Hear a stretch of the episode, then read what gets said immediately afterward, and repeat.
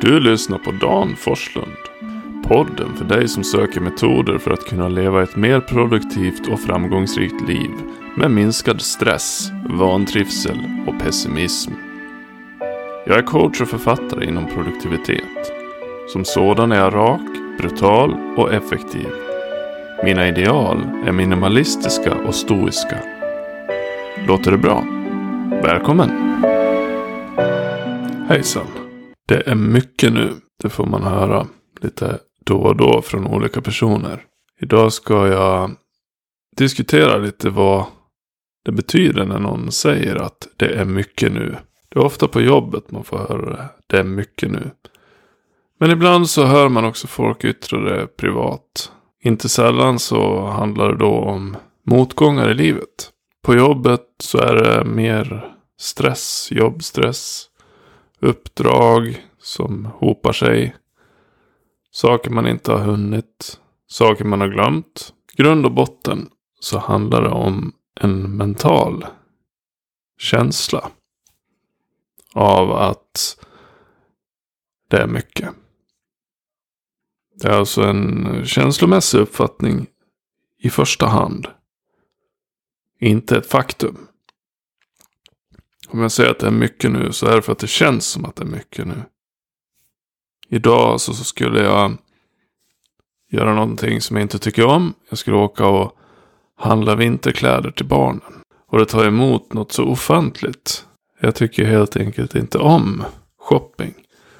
Och än mindre när det är kläder till barnen. För då måste det passa barnet. Det måste passa på foten eller på kroppen eller vad det nu kan vara.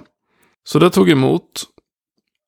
Och när jag skulle åka så då startade inte bilen. Då kände jag, det är mycket nu. Och den känslan var väldigt besläktad med, fan vad det är synd om mig. Det tog jag upp förra avsnittet, entitlement. Nej, det är inte synd om mig. Jag insåg det ganska snart. Jag har det väldigt bra. Det här var en liten motgång i vardagen. Den här dagen var inte så bra. Men jag tänkte ganska snabbt.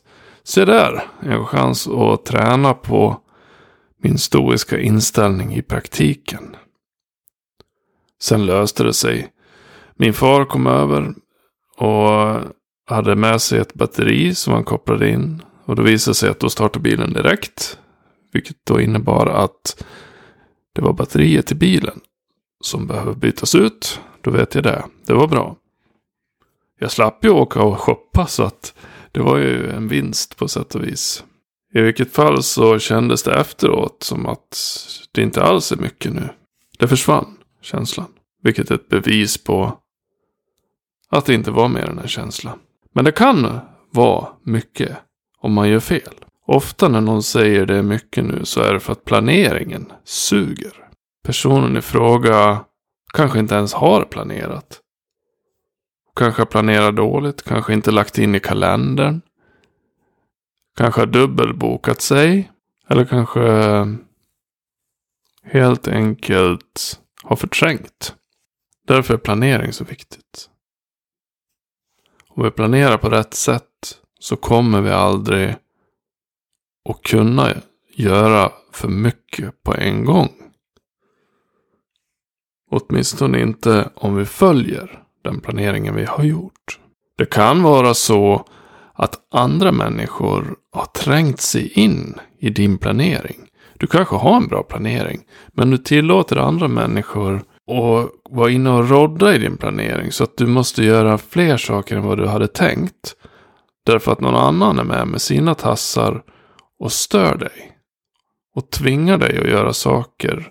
Därför är tips ett var bra planering. Tips två är sätt gränser. Det har jag också haft ett separat avsnitt om.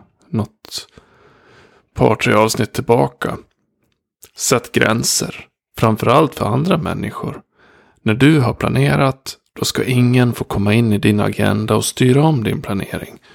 Och ifall det är din chef eller liknande, då får du säga Ja, jag kan planera det här tidigare, men då måste vi flytta på något av de här andra uppdragen. Var extremt oflexibel med sånt. Tala alltid om vad det blir för konsekvenser om man planerar om. Sätt gränser, tala om för folk, app, app, app, app, app. Här är det jag som bestämmer. Och skulle det vara så att det inte är du som bestämmer, då får du tala om konsekvenserna och säga okej, okay, jag flyttar den här, men då får du ta skulden för att kunden blir sur. För att projektet lades fram i tiden en månad. Se till att lägga skulden på den som kommer och stör också. Du får ta konsekvenserna. Jag kommer att tala om för kunden att det var du som ville att jag skulle flytta projektet. Eller vad det kan vara. Så håll en tight planering, sätt gränser för folk. Var extremt tydlig också med konsekvenser. Någonting annat som kan komma in och skapa en känsla av att det är mycket nu, det är att man är ofokuserad. Ofokus gör att man jobbar dåligt. Man svävar iväg åt alla möjliga håll. Det kan vara öppna flikar i webbläsaren. Det kan vara att du har musik på som stör dig. Det kan vara att du är hungrig. Det kan vara att du är trött. Du måste se till så att du skapar fokus. Det gör du genom att ta hand om dig. Vila ut, ta bort alla störningsmoment, Stäng av alla notiser, alla radio, all musik, såvida det nu inte är musik som gör att du faktiskt kan fokusera bättre. För det kan det vara också. Sen kan det vara att du har för många olika uppgifter inplanerade på samma gång. Om du batchar saker som jag brukar kalla det, alltså likartade uppgifter läggs på ett och samma tillfälle.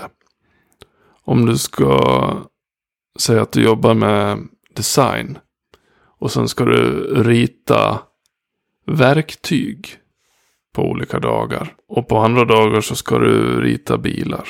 Så vinner du på att rita verktygen i ett svep och rita bilarna i ett svep. Det var ganska dåligt exempel, men det är just när du ställer om hjärnan som det förbrukar energi för dig. Det Har jag också pratat om i en podd faktiskt tidigare. Varje gång du ställer om hjärnan så förbrukar det mer energi än när du bara gör någon uppgift som du redan är inne i. Så tänk på det. Också planering som har med det att göra. Lägg likartade uppgifter på ett ställe. Gör en sorts uppgift åt gången. Det är det bästa. Ytterligare tips är ju, ha inte egentligen med själva agerandet, själva görandet att göra. Utan det har att göra med att du måste ta hand om dig. Du måste vila, du måste äta bra, du måste eh, hålla dig i form.